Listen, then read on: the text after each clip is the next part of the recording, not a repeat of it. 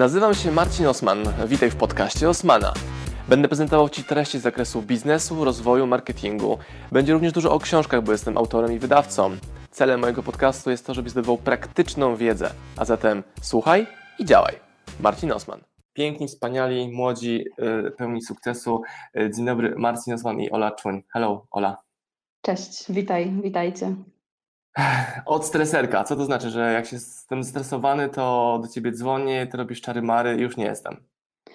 E, fajnie, gdyby to tak działało. E, zwykle ten proces trwa trochę dłużej, ale tak, znam sporo takich sposobów też instant, które mogą mhm. pomóc ze stresem sobie poradzić. Co tam Kamila? To jest Kamila. Cześć Kamila. Cześć Kamila. Mamy od roku psa i e, mhm. pan od psów nam mówił, że gdy pies strzepuje z siebie taki robi mhm. grzbietem, to właśnie jest strzepywanie stresu. Pomyślałem sobie, jakie to jest zajebiste, jak sam chciałbym, żeby w ten sposób właśnie można było z sobą zrobić, żeby tego stresu się pozbyć. I ja nie jestem osobą zestresowaną, jestem ekstremalnie osobą niezestresowaną. Mhm. E, I nie do końca wiem, jak to się u mnie wydarzyło, że tak sobie potrafię z tym radzić, więc może ty mi to będziesz potrafiła rozpracować, albo dać mi rekomendacje, e, którymi się będę mógł dzielić z moimi znajomymi e, w kategoriach tego pracowania ze stresem, walki ze stresem, radzenia sobie ze stresem i opowiedz mi o tym temacie. Mhm. To na początek e, chciałam tylko powiedzieć, że twój pies jest bardzo mądry i że da się zrobić dokładnie to samo, co ten pies robi bo no. praca ze stresem opiera się w dużej mierze również na pracy właśnie z ciałem. Jest taka nawet konkretna metoda terapeutyczna, która polega na wytrząsaniu stresu i wytrząsaniu traumy. No, I no. badacze doszli właśnie do tego, obserwując zwierzęta, które właśnie w, po jakichś chwilach stresujących, na przykład nie wiem, antylopa, która uciekała przed jakimś drapieżnikiem, który ją chciał zeżreć, potem stoi się pół godziny, trzęsie. Robi to oczywiście odruchowo, nieświadomie, ale w wprawia swoje mięśnie właśnie podświadomie w takie drżenie, żeby tą skumulowaną energię, skumulowane napięcie, które się podczas stresu pojawia, po prostu w jakiś tam zdrowy i w miarę nieszkodliwy sposób spalić, wytracić. I od razu tutaj nawiązuję do tego, co powiedziałeś, że no ty uważasz, że jesteś osobą ekstremalnie niezestresowaną, być może masz e, sporo takich instynktownych właśnie taktyk, sposobów na to, żeby nadmiaru stresu się pozbywać ze swojego życia, żeby się regulować właśnie w związku z tym. Wydaje mi się, że, znaczy wydaje mi się, jestem tego pewien, że trauma, jaką przeszedłem lat temu 8-9, jaką było zamknięcie biznesu, które mnie bardzo dużo kosztowało, nawet nie finansowo, bo to było wtórne, ale emocjonalnie, plus czas, który od tego momentu minął, plus pracę, jaką wykonałem, na te rzeczy mnie uodporniła. Jakby podniosłem sobie tą hmm, taką granicę, która u normalnych ludzi jest na tym poziomie, a u mnie jest wyżej, bo doświadczyłem tej ekspozycji na, powiem przynośni, na ból. Mhm. To jest moja taka hipoteza na temat tego, że nie można mnie wkurzyć, nie można mnie zestresować. E, I no nie mówię o jakichś tam rzeczach w stylu widzę moje dziecko, które zaraz spadnie i mam wystrzał adrenaliny i je łapię. Mhm. To jest chyba coś innego. No, no, co, co o tym sądzisz? Czy tak Wiesz co, to jest, y, może tak być, ale znowu mówisz o wystrzale adrenaliny i jak łapiesz dziecko, które spada, to, to jest coś innego i nie do końca jest coś innego, dlatego że w ogóle zobacz, jak mówisz o tym, że ty nie jesteś zestresowany, czy że doświadczyłeś jakiegoś silnego stresu w przeszłości, to mówisz o czymś takim, co się dosyć um, powiedzmy stereotypowo, potocznie nam kojarzy hmm. ze stresem, czyli coś, jakieś silne, nieprzyjemne wydarzenie, dużo trudnych emocji i tak dalej.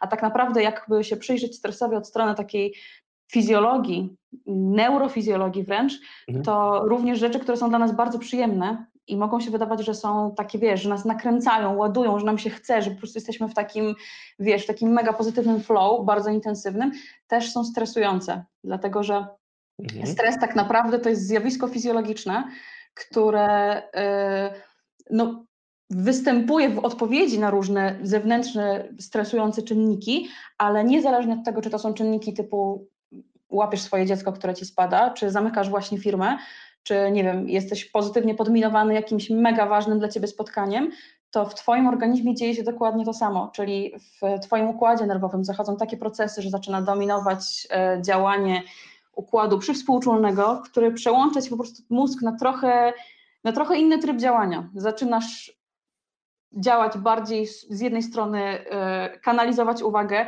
skupiać się, więc jak to jest niezbyt duży stres, to działa to bardzo mobilizująco, bardzo fajnie, w taki sposób, że właśnie jesteśmy w stanie przejść do celu, pokonywać przeszkody i tak dalej, a jak jest go za dużo albo z jakiegoś powodu my mamy mniej zasobów, jesteś, nie wiem, niewyspany, głodny, ileś innych rzeczy się dzieje gdzieś tam w tle w Twoim życiu z innego obszaru, nawet nie związanego z danym wydarzeniem, to może się okazać, że te same czynniki będą wpływać na ciebie w taki sposób, że tak naprawdę e, no, stracisz kontrolę nad sobą, czy będziesz mniej efektywny, czy, czy zaczniesz być jakiś tam rozdrażniony i tak dalej. To e, z moich obserwacji wynika, że największym zagłębiem stresu są backstage. Czyli mhm. jeżeli jest konferencja trzydniowa, przez którą przywija się 30 speakerów powiedzmy, to ja będąc w kuluarach widzę taką kumulację stresu, u osób, które występują zawodowo i nikt tego nie widzi, bo to jest za tymi kotarami z tyłu. Gdy mhm. wychodzą na scenę, no to niektóre osoby będą od razu się wyłączyć w tryb gotowości i już działają. Niektóre mhm. potrzebują takiego rozruchu, minuta, dwie, trzy, pięć, że widzisz, że okej, okay, puściło, teraz są już z sobą, mhm. bo się rozluźnili, już złapali kontakt z publicznością. Natomiast to, co się dzieje na backstage'ach, to jest dla mnie niewiarygodne, że można tak permanentnie być zestresowanym wystąpieniem, robiąc mm. ich sporo. Gdybym ja miał zapłacić tak duży koszt, znaczy przed każdym występem, tak jak Frank Sinatra podobno wymiotował zawsze mm. przez całą swoją karierę, no to ja bym chyba tego nie robił. Jakby mnie interesuje to, żeby można było sobie z tym stresem poradzić. Ok, pojawia się, pojawia, pojawia, dobra, zatrzymuję się, zderzam się z tym, co ja mogę zrobić, co muszę zmienić i lecimy -hmm. dalej. A czy to nie jest tak, że wiele osób chce tego stresu doświadczać, bo uważa, że jest dobry, albo w jakiś sposób się karze tym stresem, że to musi być trudne to występowanie na scenach na przykład. Mówię o mojej dyscyplinie. Mhm. Wiesz co, to jest bardzo fajne pytanie, bo mam wrażenie, że w ogóle nie tylko wśród występujących na scenie, ja mam trochę też sceniczne doświadczenie, bo jestem po szkole teatralnej, więc trochę znam też ten, no tak, trochę, ale znam, wiesz, ten świat backstage, o którym mówisz, to właśnie ten permanentny stres, który tam jest i potem e, ten rozbieg, ten zupełnie inny świat, który już jest w kontakcie z publicznością.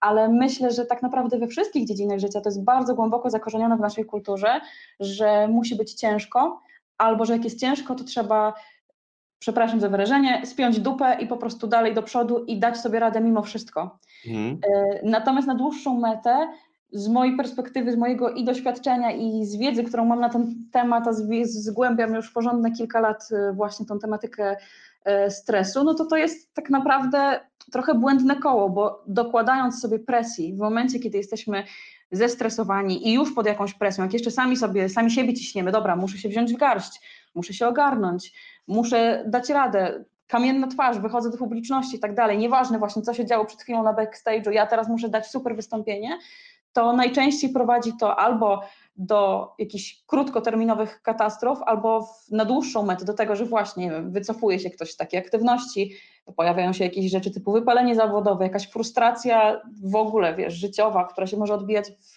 zupełnie innych obszarach, nie? Może ktoś być mm. Na tych backstage'ach super zestresowany, na froncie przed publicznością świetnym mówcą, tak, może mu iść świetnie, ale potem wraca do domu i wyżywa się na swojej rodzinie na przykład.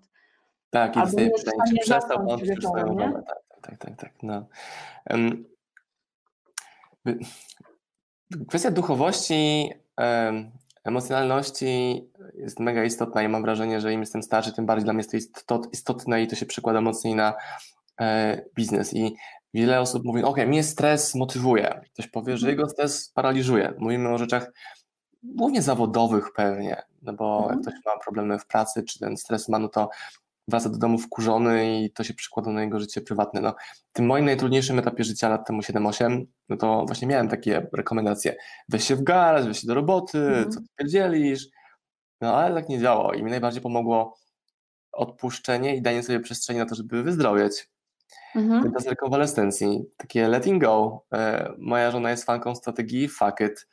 Jak mhm. nie chce się jej, to na to odpuszcza. No i to moje zdanie, jakie ludzie często cytują, nie chcę mi się tego, co zrobię, często ludzie źle interpretują, no bo ja jestem fanem takiej mobilizacji jedno, dwu, trzy, pięciorazowej, a jeżeli permanentnie muszę tego zdania używać, to coś, jest na maksa zepsute.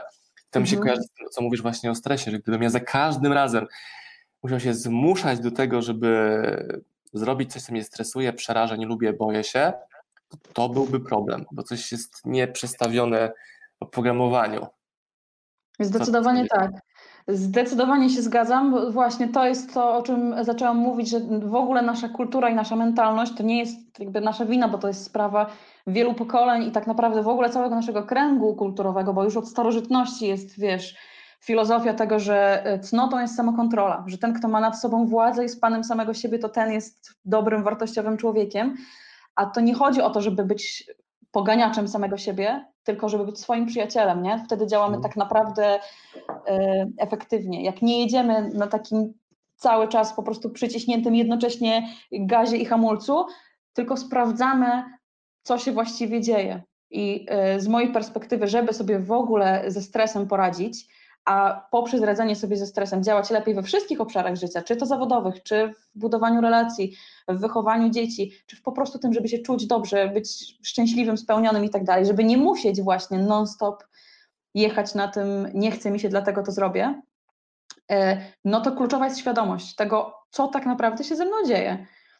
I właśnie tutaj kłania się ta tematyka stresu, tylko że, tak jak mówiłam, jak e, potocznie myślimy o tym, czym jest stres, no to nam się wydaje, że to jest to właśnie jakieś trudne zewnętrzne czynniki, jakieś nieprzyjemne emocje, nerwy, mobilizacja bardzo duża i tak dalej.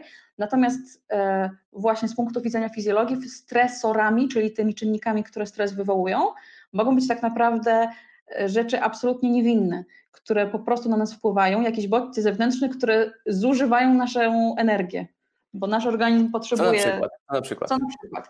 E, na przykład to, że jest za zimno albo za ciepło. Czy pomyślałbyś, że możesz być tym zestresowany? Tak, tak, mhm. bo się permanentnie stresuję zimną wodą. Mhm. I jestem super szczęśliwy, że w ten temat właśnie poszliśmy. Jak słyszałem hasło stresory, no to jestem ciekaw Twojego komentarza, bo ja jestem fanem wystawiania się na mikroekspozycję stresu w postaci zimna. Mhm. W moim przypadku są to zimne prysznice, które praktykuję od dobrych kilku miesięcy i zaraz powiem o efekcie, ale dla, dla, mhm. czemu się za to w ogóle wziąłem, żeby poszerzyć swoją odporność, zwiększyć takie poczucie wygranej od samego rana i w momencie, gdy ja włażę do tej wody zimnej, lodowatego prysznica, który ma pewnie nie, z 5-6 stopni, mhm. nawet troszkę mniej, na minutę, dwie, trzy, to ja się czuję znacznie lepiej po tym wydarzeniu. Czyli mhm. biorąc prysznic od kilku miesięcy, narażając mój organizm na stres, ja oswoiłem go z tym stresem. Mhm. Czyli jest dalej w głowie, kurde, ta woda jest zimna, ale nie mam takiego zdania, nawet reakcji organizmu, że ona jest zimna, zaraz umrę. Czy nie mam, mhm. jak wchodzę, tylko po prostu wchodzę.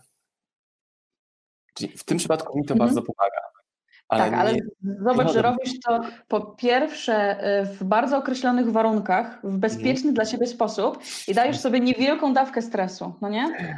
Ola, wlazłem w gaciach na Śnieżkę w lutym, po, po trzech dniach morsowania. Okej, okay, ale byłeś do tego jakoś wcześniej przygotowany, czy to było ekstremum totalne? Takie, to wiesz... To, jak patrzę to z zewnątrz, to było to ekstremum totalne.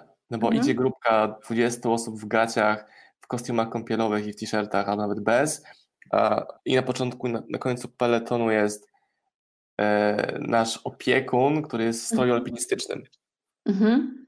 Nie? Ale z punktu widzenia odczuć to było to bardzo komfortowe. Byłem przygotowany przez trzy dni, czy dużo, czy mało, nie wiem, wystarczyło.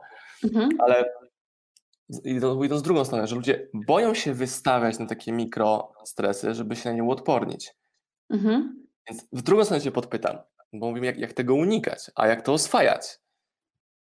Jak to oswajać? Y, trochę tak jak ty mówisz, czyli wystawiać się na mikrostresory w niewielkich dawkach bezpiecznych dla siebie i znowu to, wiesz, generalnie każdy psycholog powie, że to zależy, nie? Jakie te dawki mogą być, na co kto ma zasoby i tak dalej. No Ale rozumiemy, jeden bierze prysznic w domu zimny, a drugi się e, chce, eksponować, chce, chce eksponować w przeręblach, gdzie skala ryzyka jest nieporównywalna. Dokładnie.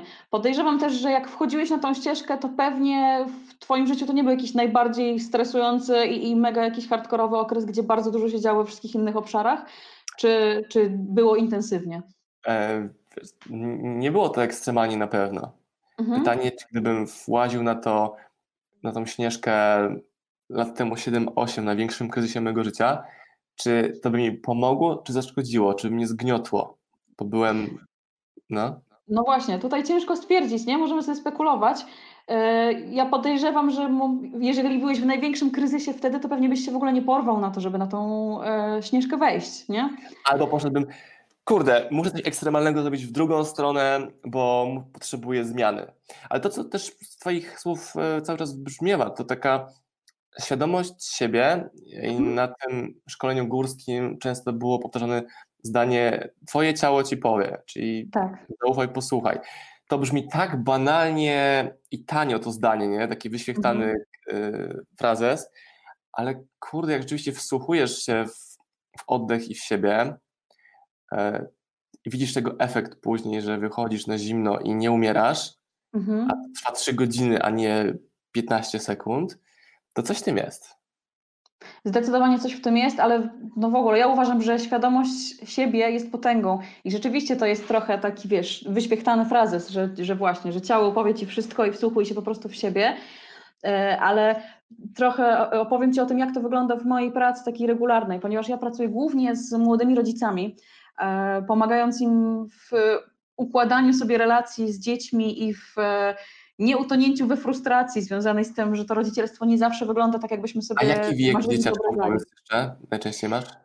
E, wiesz co, głównie pracuję z, e, tak do momentu nastoletniości z A, okej, okay, dobra, tak, tak, nie wiem, od, roku do pół na przykład, nie? Nie, nie, nie, bo jakby ja głównie pracuję z rodzicami, nie jestem psychologiem Dobra, dziecięcym. jestem w targecie, mam półtorej roczną córkę.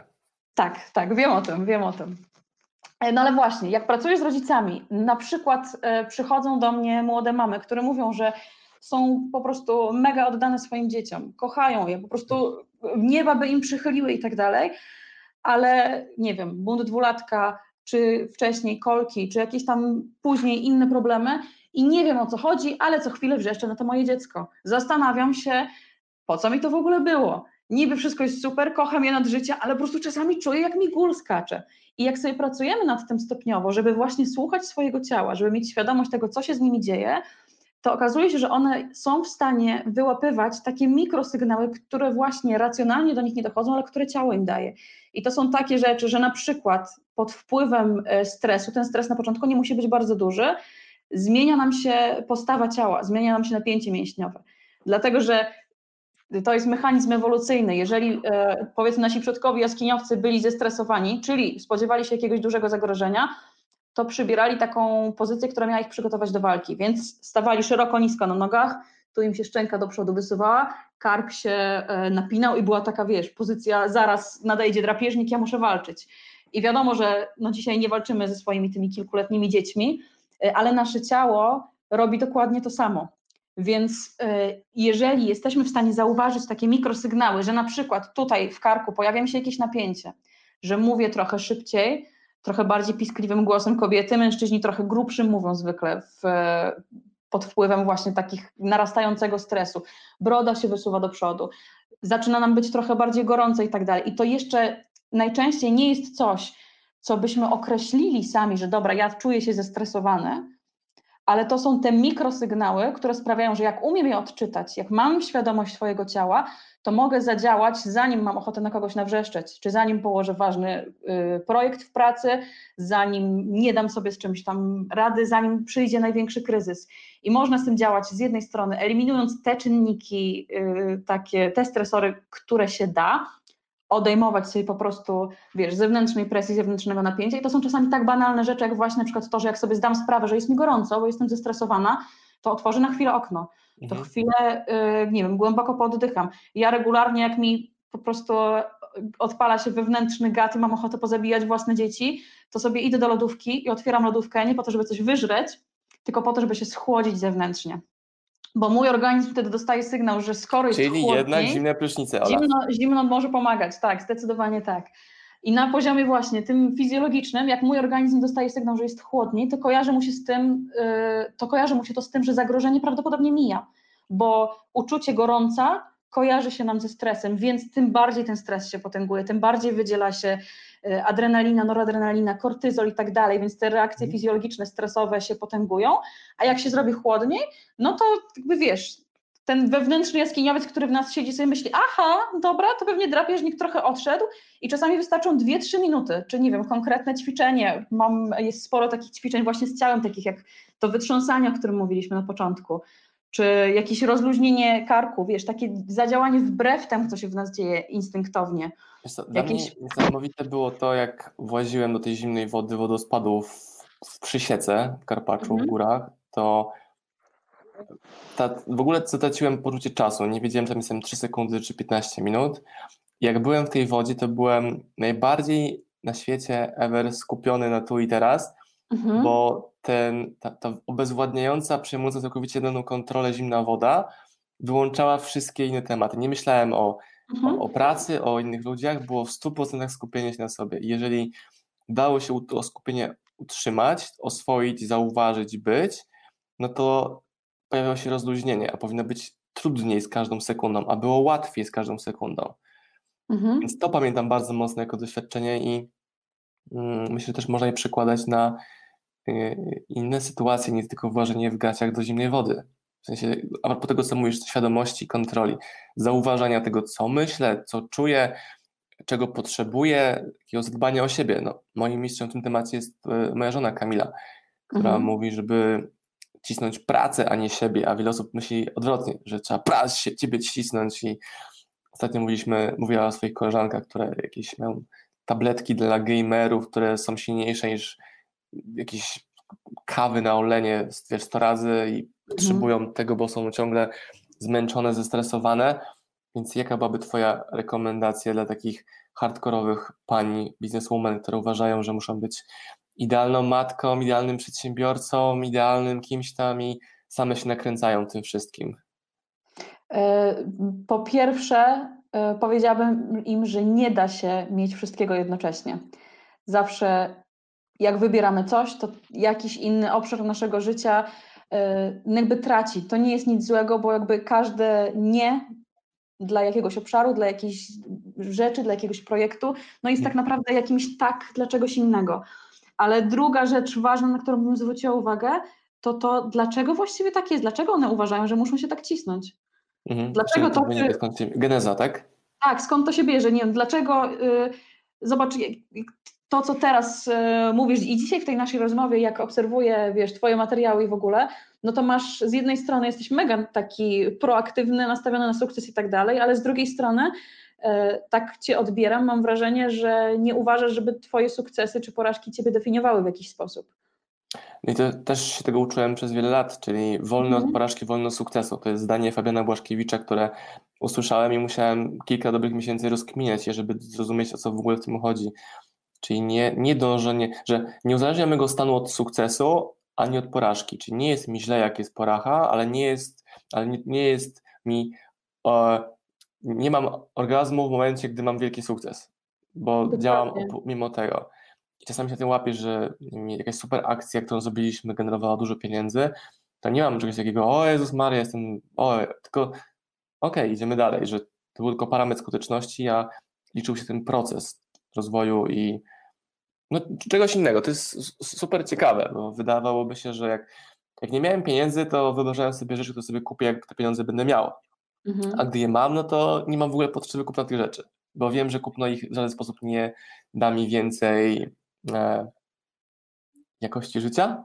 Mhm. E, czymś innym są doświadczenia, czyli fajny wyjazd. O, jak najbardziej. Mhm. To jest doświadczanie, a nie tak. kupno przedmiotu. Taki słynny przedmiot to samochód, nie? że ludzie dopatrują sobie nagrody w tym właśnie, albo że nagrodzą, że poprawią swój stan, mhm. gdy będą siedzieli w dobrym aucie. Ja wierzę w to, że auto musi być fajne, komfortowe, ale ono nie musi być autem za pół bańki, nawet więcej. Mhm. Tak, no ale właśnie to tak naprawdę nie samo posiadanie pieniędzy yy, to zmieniło u Ciebie, tylko to jakby co zrobiłeś po drodze, nie? Droga, rozwój jaki przeszedłeś, pewnie ten kryzys, którego też doświadczyłeś, mhm. Te, tak jak mówisz o tym, że musiałeś zamknąć firmę, że bardzo dużo Cię to kosztowało i w ogóle, no to jest myślę, że sporo osób, które... Yy, no mogłyby w jakiś sposób zostać takim wydarzeniem złamane, nie? Jeżeli było, byłoby to dla nich ściśle powiązane z tym, co sądzą o sobie jak się czują, czy czują się wartościowi jako ludzie, czego to o nich dowodzi, nie? A jeżeli tobie się udało, nie wiem jak było wtedy, ale, ale w tej chwili jakby oddzielić to od swojej tożsamości, tak? To, to nie znaczy, że ty jesteś porażką, tak? Że z tobą jest coś nie tak, że nawet jeżeli popełniłeś mnóstwo błędów i bierzesz za to pełną odpowiedzialność, no to nie definiuje ciebie y, tamten kryzys, tak samo jak nie definiują cię dzisiejsze sukcesy. Jesteś jakby trochę y, osobnym bytem, nie do końca y, tożsamym. Patrzę na to z lotu ptaka, że to się dzieje, czy mhm. źle, czy dobrze, a ja sobie nad tym jestem i Dokładnie. jestem jednocześnie i aktorem, i reżyserem tego spektaklu, czy gry, jak mówi e, Felix Denis. I to, co powiedziałaś, czyli, że ja nie równam się porażkę, ja nie równam się sukces, mi zajęło kupę czasu, żeby to zrozumieć. Najwięcej stresu, frustracji. E, ja na pewno, na pewno otarłem się o depresję. Mhm. E, nie brałem żadnych leków, znalazłem ludzi, którzy mi pomogli sobie z tego wyjść, a to był długi proces. Mhm. Więc teraz co ty rekomendujesz swoim, swoim klientom, którzy chcą. E, Pani Olu, dobra, tu i teraz, godzina, załatwmy to i chcę iść do domu. To przede wszystkim najpierw się przyglądamy temu, co w życiu cię stresuje. Ja jestem między innymi e, trenerką takiej metody self-rec, w ramach której dzielimy sobie życie, czy dzielimy sobie e, stres na takie pięć obszarów. E, I to powiedzmy, tworzymy taką matrycę, która bardzo ułatwia z jednej strony pouświadamianie sobie różnych rzeczy, a z drugiej strony właśnie trochę zoptymalizowanie swojego życia i pozbycie się stresu tam, gdzie to jest możliwe, a tam, gdzie nie jest to możliwe, to pracy z nim. E, I tych obszarów, tak jak mówię, jest pięć. Biologiczne, czyli cała nasza fizjologia, wszystko to, co się dzieje z naszym ciałem, te takie czynniki, wiesz, zewnętrzne oddziałujące na nas na podstawowym poziomie, typu właśnie zimno, ciepło, tak jak mówiłam, głód, choroby, alergie, yy, odpowiednia lub nieodpowiednia ilość snu, odpowiednia lub nieodpowiednia dieta i tak dalej. E, drugi obszar to, są, to jest cały obszar emocji. Wszystko to, jak się czujemy, co czujemy, jakie emocje odczuwamy. I tutaj ważne jest to, że nie tylko te emocje, które nam się kojarzą ze stresującymi, czyli jakaś frustracja, złość, wściekłość, smutek, ale również silne, pozytywne emocje, bardzo duża ekscytacja, bardzo duża radość i tak dalej, wyczerpują nas na poziomie y, fizjologii naszej. Dlatego to też może być źródło stresu, ale też taka duża labilność emocjonalna, czyli takie wiesz, przeskakiwanie. W jednym momencie jestem, bujam w obłokach i po prostu jestem e, super szczęśliwy, a, a za trzy minuty nagle jestem w jakiejś otchłani rozpaczy. To to taka bardzo silna zmienność, albo odwrotnie, e, tendencja do tego, że utykamy na bardzo długo w jakieś emocje, nie? że jak jest mi źle, to po prostu nie mogę się z tego wykaraskać, nie jestem w stanie się cieszyć różnymi innymi rzeczami, które przyjdą za chwilę, bo skupiam się tylko na tym, że o, jest mi tak strasznie źle, nie? Jestem gdzieś tam zablokowany w tej emocji. bagienku tej emocji, która nie jest dla Ciebie w ogóle korzystna.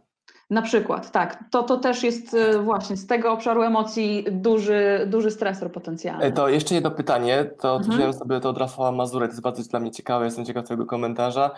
E, że ludzie zastanawiają się bardzo długo nad tym, czemu są w dupie, mhm. a żeby z tej dupy wyjść, wcale nie trzeba tej odpowiedzi znać. Dokładnie. tak jak powiedziałaś, że babrzą się w tej emocji czy wydarzeniu i rozkminiają, czemu mi się to wydarzyło, do czego to doprowadziło i tak, zamiast okej, okay, fuck it, dobra, wyskakuję z tej brudnej wody. Mhm, zdecydowanie tak. I to jest z jednej strony zrozumiałe, bo po prostu tak działamy, że im jest gorzej, tym bardziej mamy tendencję do tego, żeby się grzebać w tym, że jest gorzej, bo po prostu tak jest skonstruowana nasza psychika, ale tak naprawdę to do niczego nie prowadzi, bo dopiero wtedy jesteśmy racjonalnie w stanie spojrzeć na to, dlaczego byłem w tym miejscu, co mnie doprowadziło do tej dupy, w której utkwiłem, kiedy już jest lepiej kiedy już nabrałem dystansu i kiedy czuję się lepiej i po prostu jestem bardziej obiektywny, bo im gorzej się czujemy, tym bardziej, wiesz, myślimy, mamy ograniczone pole widzenia, jesteśmy właśnie mało plastyczni, jesteśmy y, mało zdolni do zmieniania perspektywy, mamy tendencję do takiego czarnowidzenia, obwiniania w kółko siebie albo obwiniania w kółko innych i tak dalej. No i to są mechanizmy, którym wszyscy ulegamy, ale można być na nie bardziej lub mniej odpornym i można się tego nauczyć. Mhm. No, ale to, to właśnie. Ola, to wszystko brzmi tak prosto, tak banalnie, tak oczywiście. Okej, okay, dobra. Daj mi teraz trzy dokładne strategie, które ktoś sobie to wideo oglądając mhm. będzie mógł wdrożyć swojego życia, żeby podnieść jakość życia, szczególnie poprzez no nawet nie czy wyeliminowanie, ale może oswojenie stresu, czy oswojenie siebie ze stresem. Mhm. E, trzy krótkie sposoby, tak? Które. Wiesz, takie trzy, three easy steps, nie? Że zrobisz to i już wszystko ci wychodzi. Ja cię podpuszczam, a może czegoś takiego nie ma, Mhm. a może jest. Nie wiem, pytam, pytam. Wiesz, nie ma złotych środków, które zadziałają dla każdego w taki sposób, że dobra, już życiu Pół godziny gadania, żeby to usłyszeć, no. Cholera. Hm. No wiesz, myślę, że w biznesie też wiesz, że nie ma złotych trzech kroków, które każdy zrobi zawsze w taki sam sposób i, i wiesz, super zadziała, nie? Ja Ale prowokuję, bo staram się uniwersalne- znaleźć coś, z Mhm. czym się nie zgadzamy, bo się zgadzamy.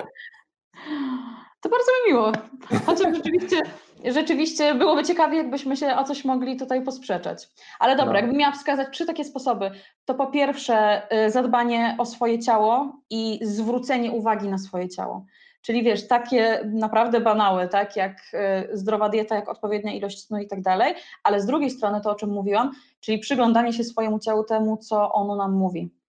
Gdzie nas boli, gdzie mamy jakieś napięcia mięśniowe, jak się właściwie czujemy, jak stoimy, w jaki sposób oddychamy i tak dalej, bo to jest, jeżeli byśmy mieli zrobić tylko tę jedną rzecz, to już jest potęga, która sprawia, że jak zauważymy bardzo dużo rzeczy, to możemy z tym zadziałać i może się okazać, że duża część naszej frustracji, jakiegoś złości, jakichś tam zaplątań w różnych e, relacjach i tak dalej, tylko dzięki tej świadomości samego siebie, swojego ciała i pracy z tym ciałem już, wiesz, Mhm. jakby odpuści. Mhm.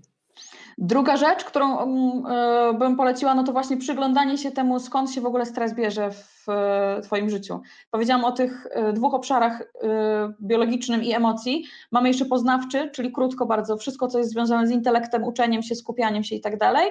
I dwa obszary dotyczące interakcji z ludźmi, czyli społeczny i prospołeczny.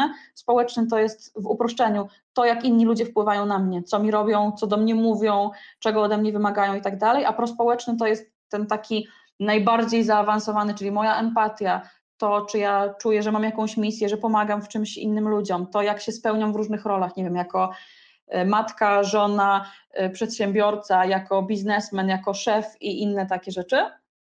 I jak sobie uświadomię, co mi się tam właściwie w tych obszarach dzieje, spróbuję poszukać tego, o co chodzi, to może się okazać, że w bardzo łatwy sposób część rzeczy jestem w stanie wyeliminować. Bo jak dojdę na przykład do tego, że właśnie, że w sumie tak naprawdę to po prostu jem tak nieregularnie, że non-stop wchodzę, wiesz, wkurzona i nie idą mi rzeczy w pracy i wyżywam się na dzieciach i tak dalej, a wystarczy, że będę jeść trochę częściej, to znowu się wiąże z tym dbaniem o ciało, o którym mówiłam jako, jako pierwsza wskazówka, no to właśnie, to mogę łatwo coś z tym zrobić. Albo jeżeli sobie uświadomię, że moim głównym źródłem stresu jest na przykład jakaś relacja z jakimś konkretnym, powiedzmy, toksycznym dla mnie człowiekiem, że on coś mi robi, coś mi mówi, w jakiś sposób na mnie próbuje wpływać, nie wiem, manipulować mną i tak dalej, to znowu, po pierwsze, sama świadomość tego sprawia, że już jestem e, mniej podatna na ten wpływ, a z drugiej strony, jak mam tę świadomość, no to Opcja mogę zadziałać Mhm. tak, y, albo odciąć, albo jakoś ograniczyć te kontakty, czy zadbać bardziej o siebie, jeżeli musimy się kontaktować,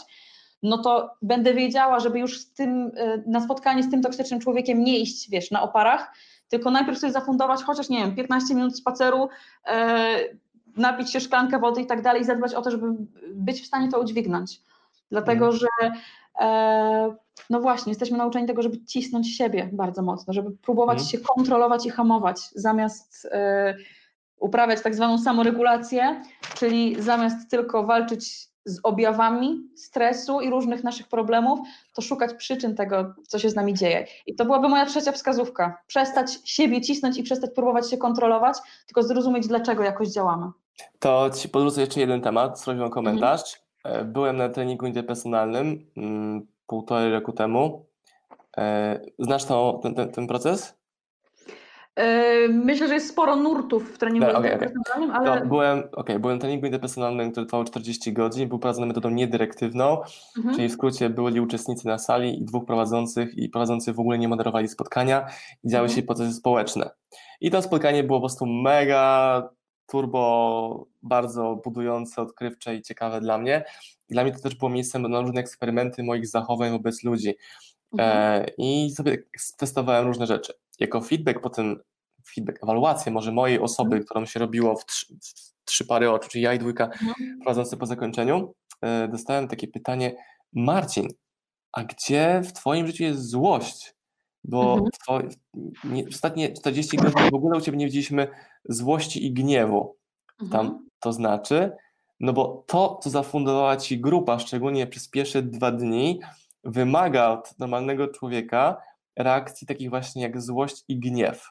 Mhm. A ja mówię, no okej, okay, tylko że tak jak tego zaczęliśmy materiał dzisiaj z Ola z tobą rozmawiać, że ja przechodząc przez tę moją traumę lat temu 8-9, podniosłem sobie tą poprzeczkę mhm. e, i ten gniew się nie pojawił. W sensie widziałem taką bajkę jakieś o emocjach, że takie emocje sterują nam takimi przekładniami, mhm. uruchamiają coś czy coś, to u mnie to ten gość od gniewu i złości, to on chyba takie pajęczyny ma na tym swoim fotelu. Jakby to, to, się pojawia, szczególnie moja żona, wiadomo, ma dostęp do innych zasobów, więc jest łatwiej wywoływać mhm. reakcje we mnie, ale mi wychodzi, że ta ekspozycja i przepracowywanie tych trudnych wydarzeń powoduje, że stajemy się mocniejsi. Mhm. Jeżeli na tym tylko popracujemy, bo jak nie, to nas to będzie permanentnie niszczyło. Jestem ciekaw, czy się z tym właśnie zgadzasz, że mogą być zupełnie różne reakcje na różnych etapach życia, na różne rzeczy. I czytam na przykład teraz książkę Aleksandra Gudzowatego, wywiad z nim, mhm. czyli miliardera polskiego. Ekstrema, przez jaki on przechodził, e, jego zdolność do przechodzenia przez tak różne ekstrema, świat pozwoliła mu wygenerować ogromny majątek. Nie mhm. intelekt, nie super pomysł na biznes, tylko właśnie to. Więc mi wychodzi, że ludzie nie mają umiejętności radzenia sobie ze stresem, mhm. E, bycia odpornym, pracowania z nim, żeby zwiększyć tą swoją odporność na te czynniki. Że działasz mimo tego, iż się boisz, albo działasz mimo tego, że się stresujesz, albo potrafisz sobie ten stres um, okiełznać, e, zaprzyjaźnić się, poobserwować, odstawić na bok, pozwolić sobie tą misję zrealizować i później się zająć tym stresem schowanym w jakiejś buteleczce, on tam cały czas jest. Mhm. No, no to, to mnie ciekawi jeszcze, jako na zakończenie naszej rozmowy, twój komentarz do tego oto mojego postulatu. Wiesz co, yy, myślę, że Nasuwałby się taki wniosek, mhm. że y, wystarczy, żeby generalnie osiągać sukcesy, żeby radzić sobie lepiej i tak dalej, że wystarczy się, wiesz, wystawiać na różne stresory, różne trudne wydarzenia i z nimi radzić. Niestety to nie jest takie proste, że wiesz, wystarczy ileś razy się yy, właśnie wrócić i podnieść. Tak. I już, nie? Y, bo tam oczywiście, no właśnie, jak to w psychologii, tam jest bardzo dużo tych czynników e, towarzyszących, które to zmieniają ale e, jak e, psychologowie już tam ze 100 dobre, może trochę więcej lat temu e, odkryli w ogóle coś takiego jak IQ, no to wydawało się, że to jest coś takiego, wiesz, taki mierzalny sposób, coś, co jest w stanie, wiesz, da się na tej podstawie przewidzieć, nie? czy ktoś odniesie sukces, czy nie odniesie sukces, jakim on jest człowiekiem, do czego jest zdolny i tak dalej. Dzisiaj zdecydowanie już się od tego odchodzi, zwłaszcza w dobie nowych technologii. Okazuje się, że takim najpewniejszym predyktorem sukcesu nie jest właśnie, nie wiem, tak jak mówisz, intelekt, tak, IQ, e, zasoby, to czy ktoś pochodzi nie wiem, z bogatego domu i tak dalej, tylko właśnie nasza umiejętność radzenia sobie ze stresem, podnoszenia się po porażkach, taka nasza siła. A nazwałabyś to inteligencją emocjonalną, czy o czymś innym trochę mówisz? Wiesz co, yy, nazwałabym to rezyliencją fachowo, czyli mhm. Y, no, mądre słowo, nie? Zabłysnęłam na koniec. Y, czyli generalnie taką właśnie naszą odpornością na stres, elastycznością i zdolnością do podnoszenia się po różnych jakichś tam trudnych wydarzeniach, trudnych porażkach. Dlatego, że inteligencja emocjonalna też y, jakby się w tym zawiera, ale nie chodzi tylko o emocje, nie? Bo to, w jaki sposób ja na przykład właśnie mam świadomość tego, co się dzieje z moim ciałem, to co ty mówisz o tej swojej ekspozycji na zimno, w jaki sposób tobie to pomaga lepiej funkcjonować, uodparnia cię na różne rzeczy, no to nie nazwałbym tego inteligencją emocjonalną, a zdecydowanie, y, zdecydowanie jest to coś, co podnosi tę twoją odporność psychiczną, czyli tą tak zwaną rezyliencję i co sprawia, że potem w rzeczach, które wydają się w ogóle niezwiązane z tym, że dobra, no co z tego, że bierzesz 15-minutowy czy tam nawet 3-minutowy zimny prysznic rano, w jaki sposób ma to wpływ na to, że potem, e, nie wiem, więcej książek sprzedasz, nie? E, ale Albo, to... że jak ma, ja tego, tego, nie robię, ale mam mhm. kumpla, który zaczyna każdy dzień od posłania sobie łóżka i robi nawet to w hotelach. I on ma poczucie mhm. zwycięstwa, że ma porządek, skoro mam porządek na łóżku, e, to jest moje zwycięstwo poranne i to brzmi spoko, nie? Ale do tego dodaję, że nawet robi to też w hotelach, i mhm. chciałem zobaczyć panie, minę pań sprzątających, które wchodzą do pokoju i widzą idealnie ułożone łóżko, to co, niby co to ma wspólnego z tym osiąganiem więcej. No, no ma, jak, jak ktoś zdefiniował, że to mu pomaga, no to super, samoświadomość, Tak, używanie jeżeli, zasobów. jeżeli go to dobrze właśnie nastraja, jeżeli to jest jakiś jego rytuał, nawyk, który mu właśnie pomaga się ogarnąć, być potem w lepszym stanie i tak Mhm. dalej, no to dzięki temu potem funkcjonuje lepiej, nie? I to się przekłada na rzeczy, z którymi na pierwszy rzut oka wydawałoby się, że w ogóle jest niezwiązane. Proszę Państwa, Ola Czuń, ekspert od stresu, a może właśnie od braku, od braku stresu. Polecam tą oto panią, jeśli macie wyzwania w tematach, o których dzisiaj gadaliśmy. E, Dla mnie bardzo wartościowa rozmowa, e, także dzięki, e, dzięki Ola. I gdzie Cię najłatwiej znaleźć? Jak najłatwiej Ci zapłacić? Mów, gdzie tam się do Ciebie klienty wszystkie mają zgłosić teraz po tym naszym odcinku. Można mnie znaleźć przede wszystkim na Facebooku, na profilu od streserka, na Mhm. Instagramie też, ale na Instagramie jestem może od miesiąca, także tam jeszcze dopiero się rozkręcam. E, Natomiast, no właśnie, tak jak mówiłam, ja pracuję głównie z rodzicami małych dzieci, chociaż zdarzają mi się też szkolenia jakieś tam, nie wiem, dla doktorantów, dla biznesmenów i tak dalej, generalnie dla ludzi, którzy tego stresu mają w życiu dużo i chcą sobie z nim e, lepiej radzić, E, ale z rodzicami pracuję non-stop w ramach konsultacji. Za chwilę w sierpniu mam premierę kursu dotyczącego stresu rodzicielskiego i samoregulacji dla rodziców, tego jak właśnie sobie trochę ulżyć i wrócić do radości i spokoju w, e, w swoich rodzinach, poukładać różne rzeczy dzięki temu w relacjach. Więc właśnie, zapraszam na Facebooka, na Instagram i, i tam będzie więcej info wkrótce. Dzięki Ola, linki do Ciebie wkleimy w tym filmiku poniżej w opisie. E, Dziękuję bardzo. Dzięki.